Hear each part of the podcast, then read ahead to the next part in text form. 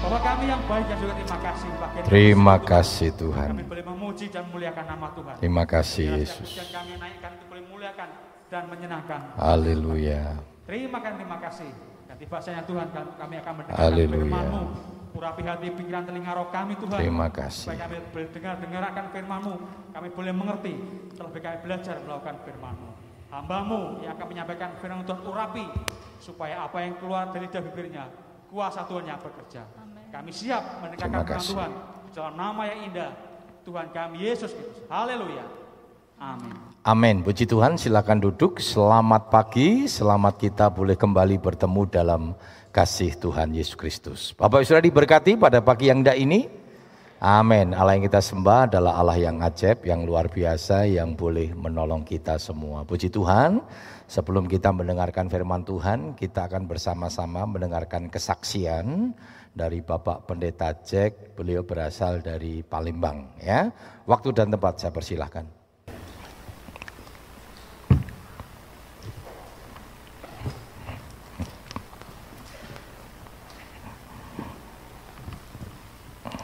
Haleluya. Haleluya. Puji Tuhan, selamat pagi. Kita bisa berada di rumah Tuhan, beribadah. Semua hanya karena anugerah Tuhan. Terima kasih kepada Tuhan yang bisa menuntun kami bisa beribadah di GPD Siloam Salatiga. Saya baru kali ini datang ke beribadah bersama dengan saudara dan beberapa minggu yang lalu kami jumpa dengan Bapak Gembala, Bapak Rohani Saudara, dan kami diberikan tugas pagi hari ini untuk menyampaikan kesaksian. Nama saya yang jelas Jok Santanuma, tapi dipanggil Pendeta Jack. Saya berasal dari Maluku tapi sudah lahir di Manado. Lalu kami tahun 91 dikirim sekolah Alkitab di Palembang. Kami sudah berkeluarga, istri saya orang Semarang, anak saya atau anak kami ada empat. Dari tahun 91 kami sekolah Alkitab, lalu kami ikuti siap program siap pakai di sekolah Alkitab Palembang, tahun 2000 eh, tahun 91 akhir kami dikirim ke daerah daerah-daerah transmigrasi lalu kemudian kami sampai hari ini bertahan di sana. Uh, awal mula kami melayani ya ancamannya begitu banyak ya. Tahun 92 ke sana 94 96 itu tantangannya luar biasa. Uh, tapi luar biasa Tuhan kita. Dia adalah Allah yang tidak perlu kita takuti, tidak perlu kita khawatirkan. Karena segala sesuatu pasti sanggup dia kerjakan dalam hidup kita. Saya dua kali dibacok ya, karena ketika kami diancam, ketika kami masuk pertama, penduduk situ katakan, Pak Pendeta jangan coba-coba bertahan melayani di sini atau menginjil, melayani umatnya. Kami pasti akan bunuh Pak Pendeta. Ya, jadi tahun 2000 pas kami uh, ada salah satu hamba tu, uh, anak Tuhan dari Jakarta mengunjungi kami lalu kami buat satu acara. Dan saat itu kami diancam untuk mau dibunuh ya. Saya diancam untuk dibunuh dua kali. Tapi ketika dipotong leher saya parang itu naik sedikit di atas kepala saya lolos. Dan orang yang mengancam saya itu tetangga kami ya. Tetangga di belakang tempat ibadah kita. Dan puji Tuhan saya lolos. Yang mengancam itu lari satu bulan penuh ke hutan karena dia pikir kami melapor ke polisi tapi saya tidak lapor. Ketika dia turun ke kampung kami saya baik-baikin dia tapi sekarang dia sudah dalam keadaan stroke kali yang kedua tahun 2004 ya kami diancam lagi untuk mau dibunuh Orang yang membunuh itu tetangga. Ketika selesai ibadah pemuda remaja, saya menutup ibadah, dia datang untuk mengancam. Lalu kemudian dia ayunkan parangnya, ya. Dia mungkin rencananya untuk membelah kepala saya. Tapi parang itu cuma begini-begini. Tidak turun, saya katakan turunkan parang. Baru dia turunkan, terkejut, dia kaget. Tapi beliau sudah meninggal ya. Ketika jumpa dengan kami ketemu mereka dua itu selalu ketakutan. Dan saya katakan pagi ini kepada kita kita punya Allah yang hebat. Dia Allah yang luar biasa. Maka sampai hari ini kami bertahan melayani 136 kilo dari kota Palembang 70 kilo kami dari kota kabupaten kami. Kami ditempatkan di sana. Kami mohon dukungan doa jemaat Tuhan yang ada di GPDI Siloam Salatiga supaya kami terus bertahan melayani Tuhan. Tuhan Yesus memberkati. Kami serahkan pelayanan ini kepada Bapak Gembala. Iya, Tuhan, kita berikan kemuliaan bagi nama Tuhan.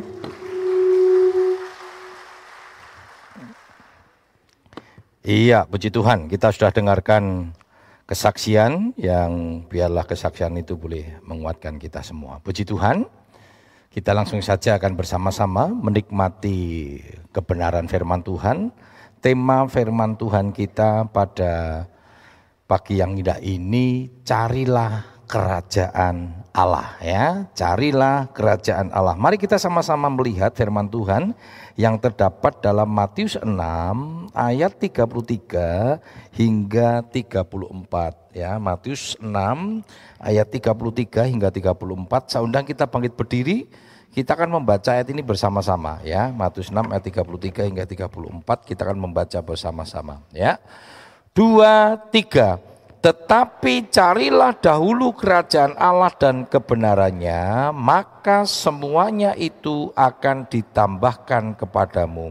Sebab itu janganlah kamu khawatir akan hari esok, karena hari besok mempunyai kesusahannya sendiri, kesusahan sehari cukuplah untuk sehari. Puji Tuhan, silakan duduk.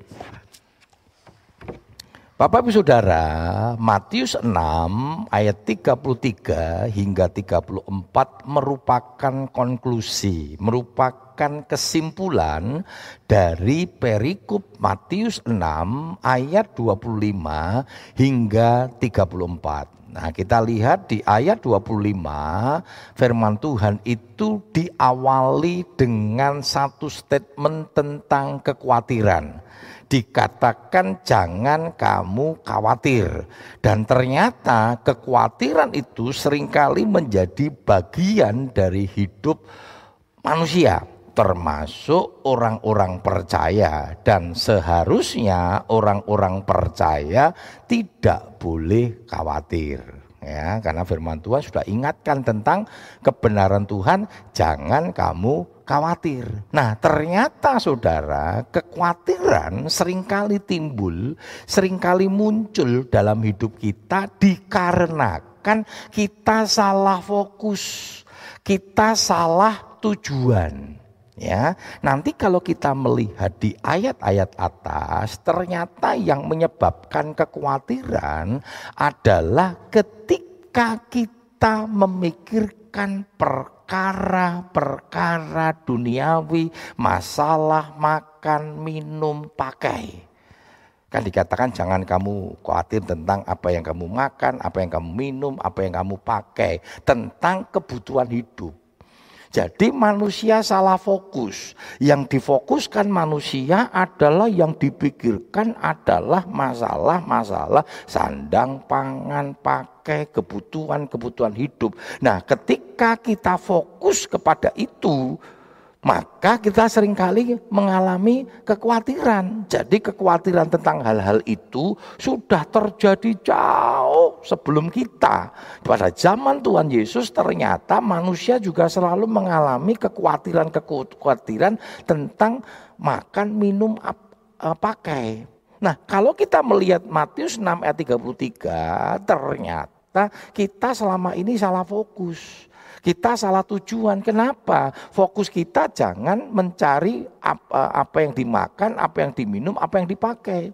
Matius 6:33 mengingatkan kepada kita, fokus kita harus mencari kerajaan Allah maka dikatakan segala sesuatunya akan ditambahkan kepadamu. Masalah makan, minum, pakai itu ada dalam otoritas Tuhan. Dan itu serta-merta nanti kalau kita melihat Matius 6:33 ini bicara hukum sebab akibat. Ya, sebabnya Bapak Ibu Saudara mencari kerajaan Allah, akibatnya apa? Akibatnya Bapak Ibu akan mendapatkan bonus. Dikatakan segala sesuatunya akan ditambahkan kepadamu termasuk sandang, pakan, minum, pakai. Seorang marketing, Saudara ya, seorang marketing kalau kita bicara marketing ya, kalau ada marketing di sini, biasanya yang dikejar marketing itu bukan gaji pokoknya, saudara. Gaji pokoknya itu kecil, apalagi di bank-bank, saudara. Bank-bank itu gaji pokoknya kecil.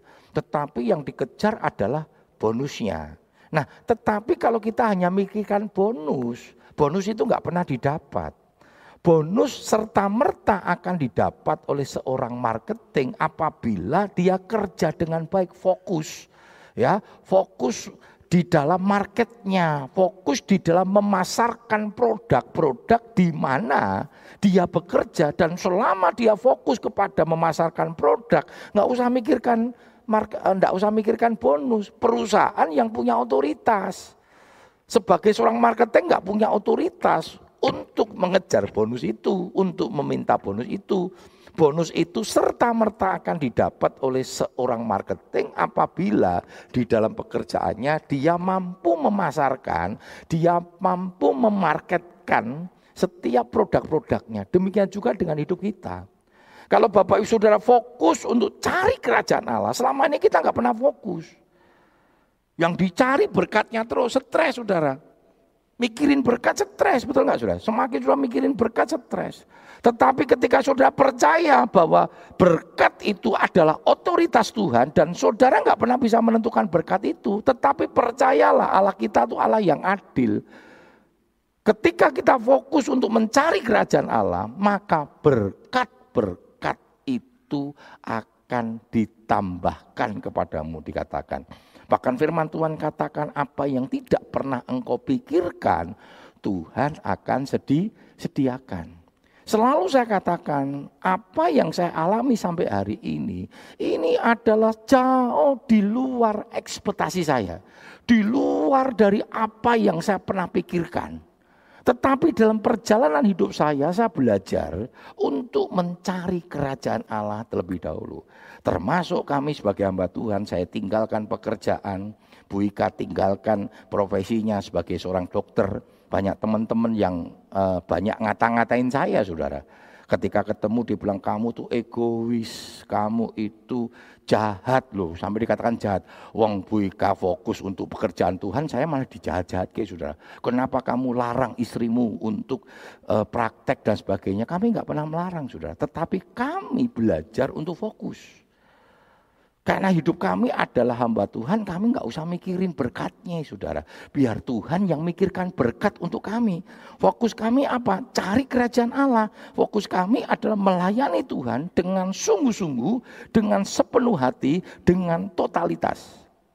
Maka Tuhan yang akan memikirkan eh, memikirkan berkat-berkatnya. Tetapi kalau kita hanya mikir ke berkat, berkatnya nggak datang, kita tidak cari kerajaan Allah, saudara. Nah sekarang kita mau melihat sama-sama saudara. Makna kerajaan Allah itu seperti apa sih? Apa yang dimaksud dengan kerajaan Allah? Mari kita lihat di dalam Roma 14 ayat yang ke-17. Roma 14 ayat 17. Sebab kerajaan Allah bukanlah soal makanan dan minuman, tetapi soal kebenaran, damai sejahtera dan sukacita oleh Roh Kudus. Perhatikan saudara, kerajaan Allah bukan soal makan minuman yang tadi di dalam Matius 6 ayat 25 dikhawatirkan oleh banyak orang dan termasuk bukan zaman eranya Tuhan Yesus sampai hari ini banyak orang khawatir, banyak orang stres gara-gara persoalan makan minum. Ini masalah daging. Alkitab katakan kerajaan Allah bukan makanan minuman. Karena itu jangan salah fokus. Jangan kejar makan dan minum. Tetapi kejarlah kerajaan Allah dan Tuhan akan memberikan segala sesuatunya kepadamu. Dan itu akan ditambahkan. Apa itu yang harus kita kejar? Dikatakan kerajaan Allah bukan soal makan minum tetapi damai eh, kebenaran, damai sejahtera dan sukacita. Ada tiga hal masalah kerajaan Allah tadi. Yang pertama kebenaran, damai sejarah dan sukacita. Dan orang yang mencari kerajaan Allah akan menikmati tiga hal itu. Tentang kebenaran, tentang damai sejahtera dan tentang sukacita. Mari kita lihat sama-sama tentang kebenaran.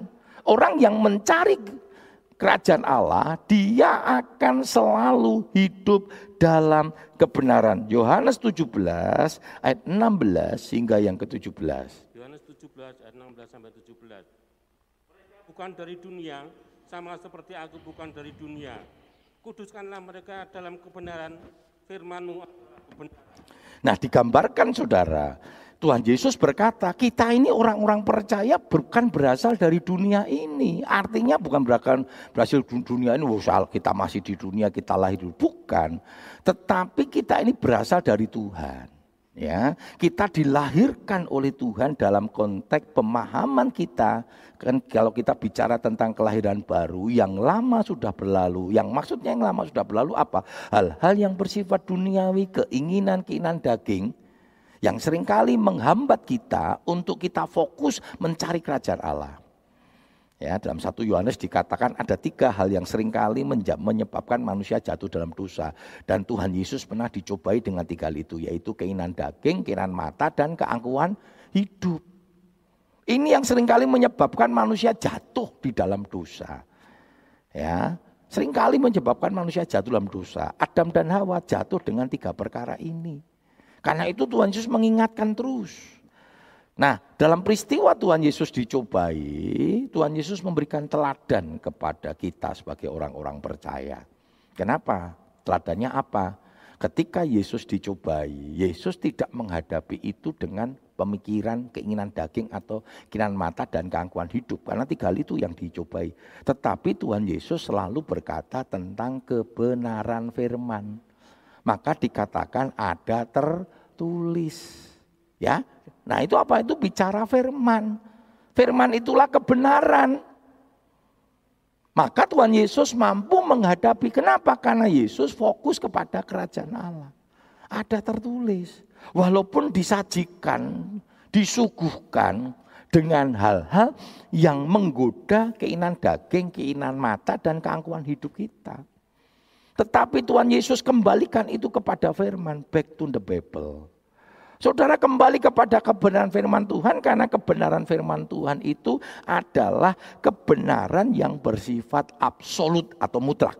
Ya, kebenaran firman Tuhan itu bersifat absolut atau mutlak. Artinya kebenaran di dalam dunia ini ya dan amin. Kebenaran yang mutlak itu hanya kebenaran firman Tuhan.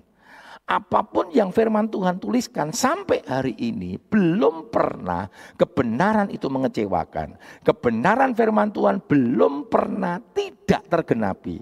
Semua kebenaran firman Tuhan sudah tergenapi dan akan tergenapi dan pasti tergenapi. Karena itu hiduplah dalam kebenaran firman Tuhan yang memberikan kepastian kepada kita Berapa banyak kita sering kali hidup di dalam kebenaran-kebenaran duniawi yang tidak pernah memberikan kepastian. Berapa banyak sering kali ketika kita berdiskusi, berbicara tentang hidup ini. Lalu sepertinya kita menyajikan sebuah kebenaran dan kebenaran itu bukan sebuah kepastian. Tetapi sepertinya kita itu terlalu yakin dengan kebenaran-kebenaran dunia itu adalah sebuah kepas kepastian. Dan akhirnya kita kecewa. Loh, Kok kita bisa berkata sebuah kebenaran duniawi itu sebuah kepastian yang kita tidak pernah tahu tentang hari depan kita. Kalau kita bicara tentang uh, berdiskusi hari ini, biasanya diskusi kita kan untuk hari depan, saudara. Bicara tentang hari depan. Dan tidak pernah ada hari depan di luar kebenaran Kristus yang memberikan pengharapan kepada kita. Coba kita lihat sama-sama dalam Roma 3 ayat 3 hingga yang keempat. Roma 3 ayat 3 sampai 4. Jadi bagaimana jika di antara mereka ada yang tidak setia? Dapatkah ketidaksetiaan itu membatalkan kesetiaan Allah? Sekali-kali tidak. Sebaliknya Allah adalah benar dan semua manusia pembohong. Seperti ada tertulis, supaya engkau ternyata benar dalam segala firmanmu dan menang jika engkau dihakimi. Perhatikan saudara, Allah kita itu Allah yang setia, Allah kita itu Allah yang benar. Benar. Dan kebenaran Allah itu bersifat absolut. Ya, kata benar itu dalam bahasa Yunani sebut dengan aletia. Aletia. Kebenaran yang sesungguhnya atau dengan bahasa sederhananya Allah setia dengan kebenarannya. Artinya kebenaran Allah itu sesuatu yang bersifat mutlak. Tidak ada kebenaran-kebenaran di dunia ini yang bersifat mutlak. Hanya kebenaran Tuhan. Pernah melihat saudara sesuatu yang di, di, dinyatakan oleh dunia itu yang bersifat mutlak. Ya, dan berapa banyak kita sebenarnya kita kecewa dengan apa yang dinyatakan oleh dunia kebenaran itu. Lalu kita kecewa. Ya maklum, siapa suruh kita mempercayakan hidup kita kepada kebenaran-kebenaran dunia yang bersifat semu, tidak mutlak. Karena kita sebagai dunia, kebenaran dunia kan sering kali ya yang memunculkan kita sendiri yang kita tidak pernah menjalankan hidup itu di hari depan kita. Tetapi kebenaran firman Tuhan, maka itu yang dikatakan oleh Pengkhotbah 3. Kita tidak dapat menyelami apa yang dikerjakan Allah dari awal sampai akhir dalam kekekalannya. Yang kedua, apa dikatakan damai sejahtera. Ya.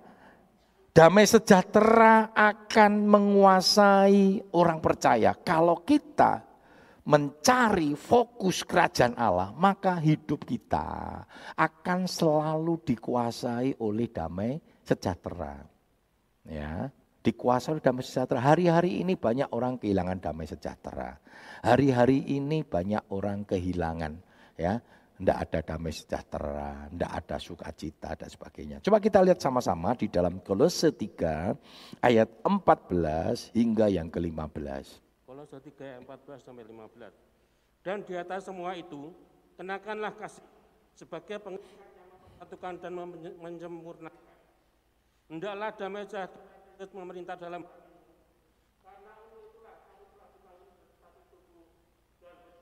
Perhatikan saudara, Ya, di bahwa dikatakan damai sejahtera Kristus akan memerintah dalam hatimu. Dan dikunci dengan kata-kata bersyukurlah. Karena damai sejahtera itu akan memelihara kita, bersyukurlah. Akibat hidup dalam damai sejahtera, akhirnya muncul ucapan syukur. Nah menjadi pertanyaan kita, orang yang mencari kerajaan Allah akan hidup dalam damai sejahtera. Kalau saat ini saudara tidak hidup dalam damai sejahtera, berarti kan sebab akibat saudara. Berarti kita ini tidak mencari kerajaan Allah dalam perjalanan hidup kita. Karena itu mari kita mau belajar untuk selalu mencari kerajaan Allah. Karena damai sejahtera itu Tuhan. Walaupun kita berada dalam satu keadaan yang tidak mengenakan satu keadaan yang tidak tidak menyenangkan, tetapi damai sejahtera Tuhan itu senantiasa ada dalam hidup kita.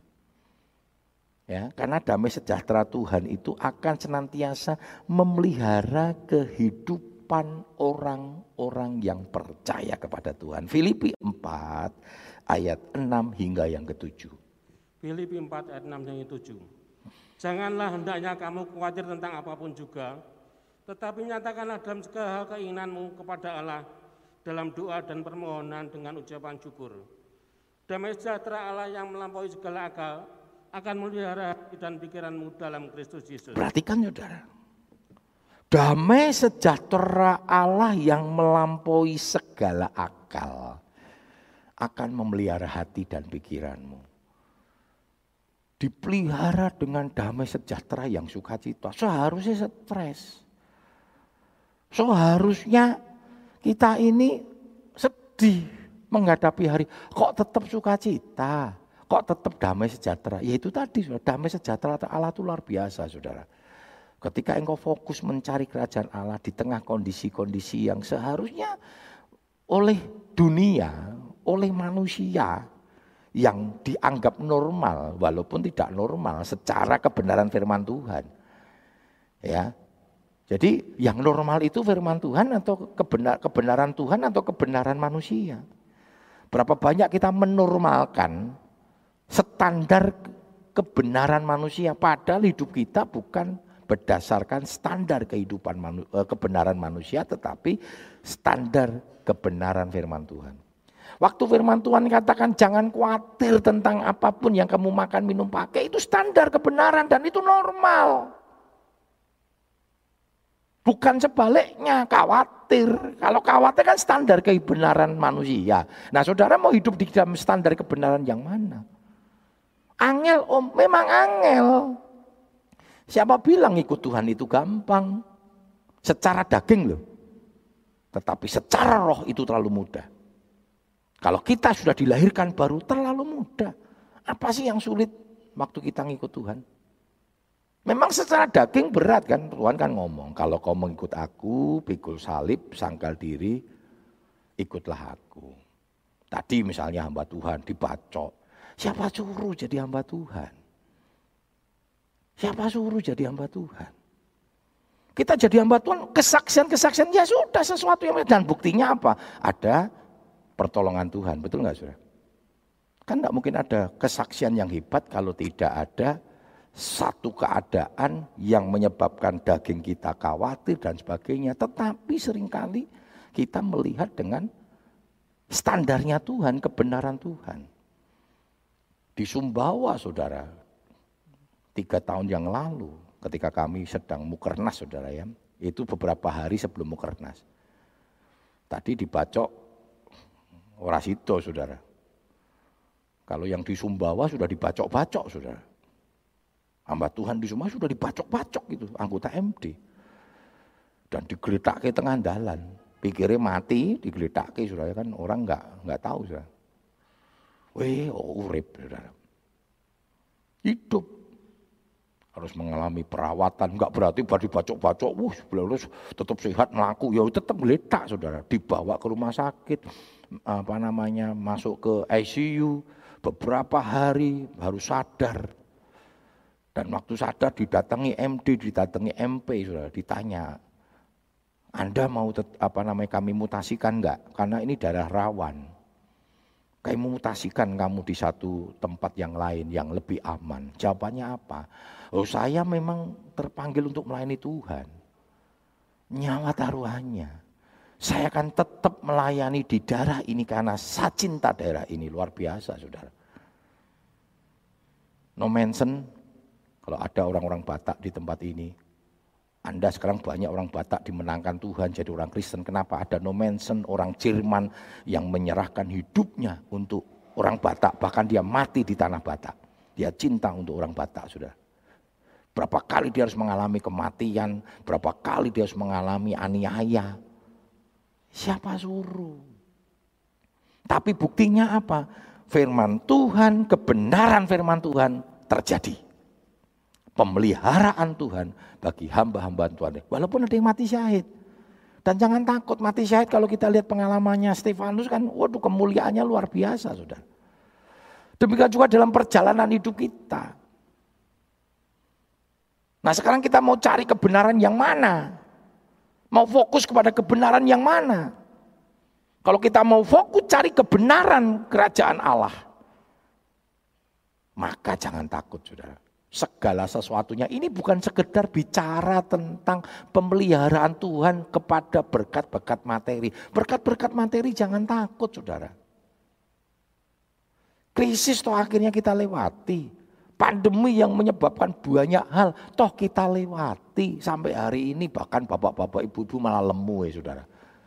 Wis rata olahraga, Kalau orang Cina bilang ciak pogun saudara. Makan, minum, saudara tidur. Waduh. Meh ke mana lagi itu tangi. Alah meh metu pandemi ya toh. Bar sarapan ya beres-beres omah kok ngantuk. Liar-liar turu lemu saudara ya. Saya hampir dua tahun wis dulu kan mau jalan-jalan nggak boleh saudara di Pancasila. Ya coba melaku melaku saya begitu untuk kebacut males saudara. Wah lagi sing kesete menungso saudara ya saya bilang mbak Bu ayo kita anu lagi ya sudah sering kali kan apa namanya manusia itu ya dienak bubukan saudara. Nah, saudara kita lihat kembali kepada firman Tuhan. Kita dipelihara dengan damai sejahtera. Seharusnya Bapak Saudara hidup dalam damai sejahtera dalam segala keadaan. Karena kita dipelihara oleh damai sejahtera Allah yang melampaui akal. Ya, yang ketiga bicara tentang tadi kebenaran, damai sejahtera dan sukacita ya. Sukacita Tuhan akan memelihara orang percaya dalam segala keadaan. Nek saudara tidak sukacita ora pekewo mbek bocah iki saudara. Bocah iso iso guyu ya. Lu bocah orang ngurusi ya toh, bocah orang ngurusi mangan, orang ngurusi minum. Lah jadilah anak kecil saudara. Kenapa? Kenapa anak-anak tidak mikir ke sudah? Kenapa dia suka cita? Oh percaya bapak eh pasti pelihara. Amin. Mau dia mbok ora mudeng apa apa mau mbok ora duwe duit pokoknya bocah pokoknya pengen mangan Bu jaluk mangan. Sing mumet ki bapak ibu eh saudara betul? Loh jadilah anak kecil. Bapak ibu ini bisa terbatas tapi bapak kita si surga ngerti loh saudara. Duwe bapak di surga yang berkuasa kok wedi kehilangan sukacita, pakai wong mbek bocah Saudara. Bocah iki ora pakai apa ora tahu sedih, sukacita terus. Kenapa? Percaya sama bapak eh. Mestinya diake Saudara. Wayai mangan, wayai lapar ya pasti kadang malah orang tua yang khawatir kan. Ayo makan sih, dulanan ayo makan dulu. Coba kita lihat sama-sama dalam Habakuk 3, 17, 19. Habakuk 3, 17 sampai 19. Sekalipun pohon ara tidak berbunga, pohon anggur tidak berbuah, hasil pohon zaitun mengecewakan, sekalipun ladang-ladang tidak menghasilkan bahan makanan, kambing domba terhalau dari kurungan, dan tidak ada lembut sapi dalam kandang, namun aku akan bersorak-sorak di dalam Tuhan, beria-ria di dalam Allah yang menyelamatkan aku. Allah Tuhanku itu kekuatanku, Ia membuat kakiku seperti kaki rusa, ia membiarkan aku berjejak di bukit-bukitku. Saya nggak usah terangkan ayat ini. Ayat ini sudah sering kali saya sampaikan. Saya berharap ayat ini menjadi kekuatan kita.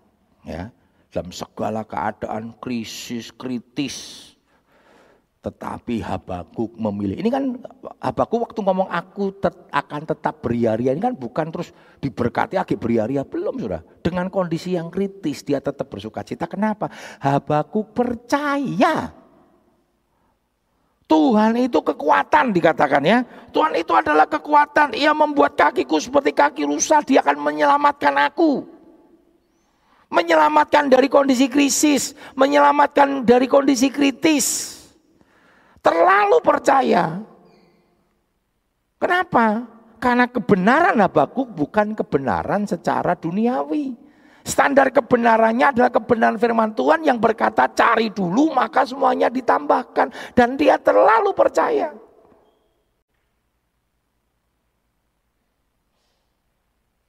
Berapa kita menghadapi kondisi seperti Habakuk atau belum pernah kita menghadapi kondisi ser sekrisis Habakuk. Kita sudah stres. Kita sudah nyalahkan Tuhan. Padahal ya iso-iso mangan sego liwet. Mengmasalahi saldo kita kritis. Wis ke Tuhan. Tuhan piye to Tuhan, padahal masih hidup. Hari ini mangan sampai tiga kali masih aman. Lah kok wis mulai ke Tuhan. Tuhan piye Tuhan? Sisuk piye? Lo sisuk dikatakan kesusahan hari ini cukuplah untuk hari ini. Kita ini kan selalu mengkhawatirkan hari esok yang kita nggak pernah mengerti selama hari esok selalu aman di tangan Tuhan. Amin. Loh rawani itu. Amin. Loh hari esok sudah aman gak di tangan Tuhan? Bang Tuhan udah ngomong kok. Jangan khawatir. Om sisuk piye? Om aku mangan? Sisuk. Wong saiki sing penting hari ini mangan ra. Mangan pong piro? Telu, bahkan papat. Waduh. Kok sisuk wis diwedeni? Kok besok sudah ditakutkan? Kan Alkitab katakan tadi ditutup tadi kan? Kesusahan hari ini cukup untuk hari ini, biarkan besok. Kenapa? Hari depan ada di tangan Tuhan. Yang penting kita fokus cari kerajaan Allah. Cari kerajaan Allah itu termasuk firman Tuhan katakan hidup dalam kebenaran firman Tuhan. Kalau tidak makan, oh tidak makan. Kalau tidak bekerja jangan kamu makan itu kebenaran. Lo burung udara dipelihara, sopo tidak bekerja siapa sih ngomong? Alkitab katakan bukan tidak bekerja loh. Tidak menabur, tidak memintal. Burung bekerja nggak saudara? Bekerja. Mabur golek pangan itu kan bekerja saudara. Dipelihara oleh Tuhan. Apalagi manusia yang hakikatnya bekerja. Percayalah hari depan kita ada. Pemeliharaan Tuhan nyata dalam hidup. Saudara sambil dino doa puasa kali rentenan saudara. Bukan itu cari kerajaan Allah itu ya hidup dalam kebenaran firman Tuhan. Konsep bekerja, bekerjalah sesuai kebenaran firman Tuhan. Konsep menikah, menikahlah sesuai dengan kebenaran firman Tuhan. Itu namanya cari kerajaan Allah. Hidup berdasarkan kebenaran firman Tuhan. Standar kita standar kebenaran firman Tuhan. Ya. Nah saudara, sukacita Tuhan akan tinggal dalam hidup orang percaya. Mazmur 97 ayat yang ke-11. Mazmur 97 ayat 11. Terang sudah terbit benar. Perhatikan saudara. Orang-orang yang mencari kerajaan Allah akan senantiasa tinggal dalam sukacita. Makanya jangan heran. Paulus berani berkata, bersukacitalah. Sekali lagi kukatakan bersukacitalah. Bukti sudah Waktu Paulus menyampaikan kepada jemaat di Filipi kita tahu bahwa Paulus dalam kondisi dia teraniaya, tersolimi karena kebenaran firman Tuhan, karena dia cari kerajaan Allah, dia tersolimi. Dia di penjara, bukan penjara yang enak, penjara bawah tanah dan dirantai. Wis di penjara sih dirantai, Saudara. Tapi Paulus ada sukacita karena roh kudus saya yakin dan percaya karena kalau Paulus suruh bertobat saudara pasti dia ngeluh. Pasti dia menggerutu. Pasti dia marah sama Tuhan. Jadi jangan lihat Paulus dalam konteks sekedar Paulus sudah, tetapi Paulus yang sudah mengalami perubahan hidup karena bertemu dengan Yesus sehingga dia dipenuhi dengan sukacita. Dia memuji Tuhan, saudara. Dan buktinya apa? Kebenaran terjadi, segala sesuatunya ditambahkan terjadi itu. Rantai ini merotoli sudah. Rantai-rantai terputus sampai kepala penjaranya takut saudara. Sebab kalau sampai kabur, waduh bahaya saudara. Nah kita lihat saudara, kebenaran firman Tuhan. Paulus berkata, bersukacitalah kamu. Sekali lagi kukatakan bersukacita. Apa yang menyebabkan Bapak Ibu saya tidak bisa bersuka cita hari ini? Coba lihat kanan kiri katakan bersuka cita. Ayo. Loh, rano sing nganu to disuruh gembalane lho, sampaikan sebelahmu. Ayo bersuka cita, Apalagi sing wadah sedih-sedih bojone mermut wae disenggol, ora iso adoh Saudara ya. Berdoa Saudara ya kalau pandeminya sudah boleh Nah, ini ditunggu sampai 21 hari setelah lebaran. Ya, karena lebaran tuh yang ngeri banget sudah ya. Waduh, ngumpul orang nganggu prokes. Di pesawat itu kemarin saya pergi beli pesawat terus rano 100% pokoknya. Ada dempet-dempetan sudah ya. Ya senjatanya cuma satu, masker saudara. Ya kita doakan, mudah-mudahan booster vaksin ini menyebabkan eh, apa namanya virusnya kelenger kabeh saudara. Ya, kita masih tunggu 21 hari, itu kata pemerintah sampai 25 hari resminya 27 hari setelah lebaran kalau trennya itu menurun ya aman. Nanti kalau trennya menurun maka pita-pita silang akan kita lepas. Ya toh. sak kursi wong telu. Wah ini kan uyuk-uyukan sudah ya. Ya, tetapi jagalah sudah tetap uh, masker harus tetap dipakai itu yang paling penting sudah ya. Tapi kita lihat trennya saudara. Ya, kita doakan sudah. Sebab nek trennya naik, online meneh saudara. Wah sedih saudara. Saya tuh sebagai gembala online sedih. Semangat khotbah menggak mengok saudara. Sing dibengoki mengkursi-kursi kosong ya. Ya, saya juga tidak tahu apa saudara menikmati ketika di online-nya saudara ya. Nah saudara kita berdoa saudara. Saudara tetap ada sukacita. Amin. Kerajaan Allah itu menyebabkan kebenaran, menyebabkan damai sejahtera, dan menyebabkan sukacita. Karena ini sebab akibat. Karena cari kerajaan Allah dan kebenarannya. Maka sukacita itu akan senantiasa memenuhi dalam kehidupan kita. Tiga hal. Hidup dalam kebenaran, hidup dalam damai sejahtera, dan hidup dalam sukacita. Biarlah janji firmanmu meneguhkan kami Tuhan. Biarlah janji firmanmu menguatkan kami Tuhan. Kami tidak tahu keberadaan setiap umat-umatmu di pagi yang indah ini. Mungkin ada hati yang lesu. Mungkin ada hati yang hancur. Bahkan kehilangan pengharapan, frustasi.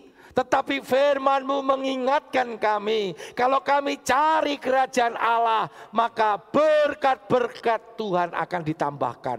Berkat secara jasmani, berkat secara rohani akan memenuhi kehidupan orang-orang yang percaya. Ajarkan kami untuk mencari kerajaan Allah. Ajarkan kami untuk fokus kepada kerajaan Allah. Ampuni kami ketika kami salah mengambil bagian kami. Kami hanya memikirkan berkat-berkat jasmani yang bukan bagian kami. Bagian kami adalah mencari kerajaan Allah. Maka bagian Tuhan untuk memberkati kami sekalian. Nama Tuhan dipermuliakan, nama Tuhan diagungkan. Biarlah kami boleh senantiasa diberkati melalui kebenaran firman. Hanya di dalam nama Tuhan Kristus kami sudah berdoa. Haleluya. Amin.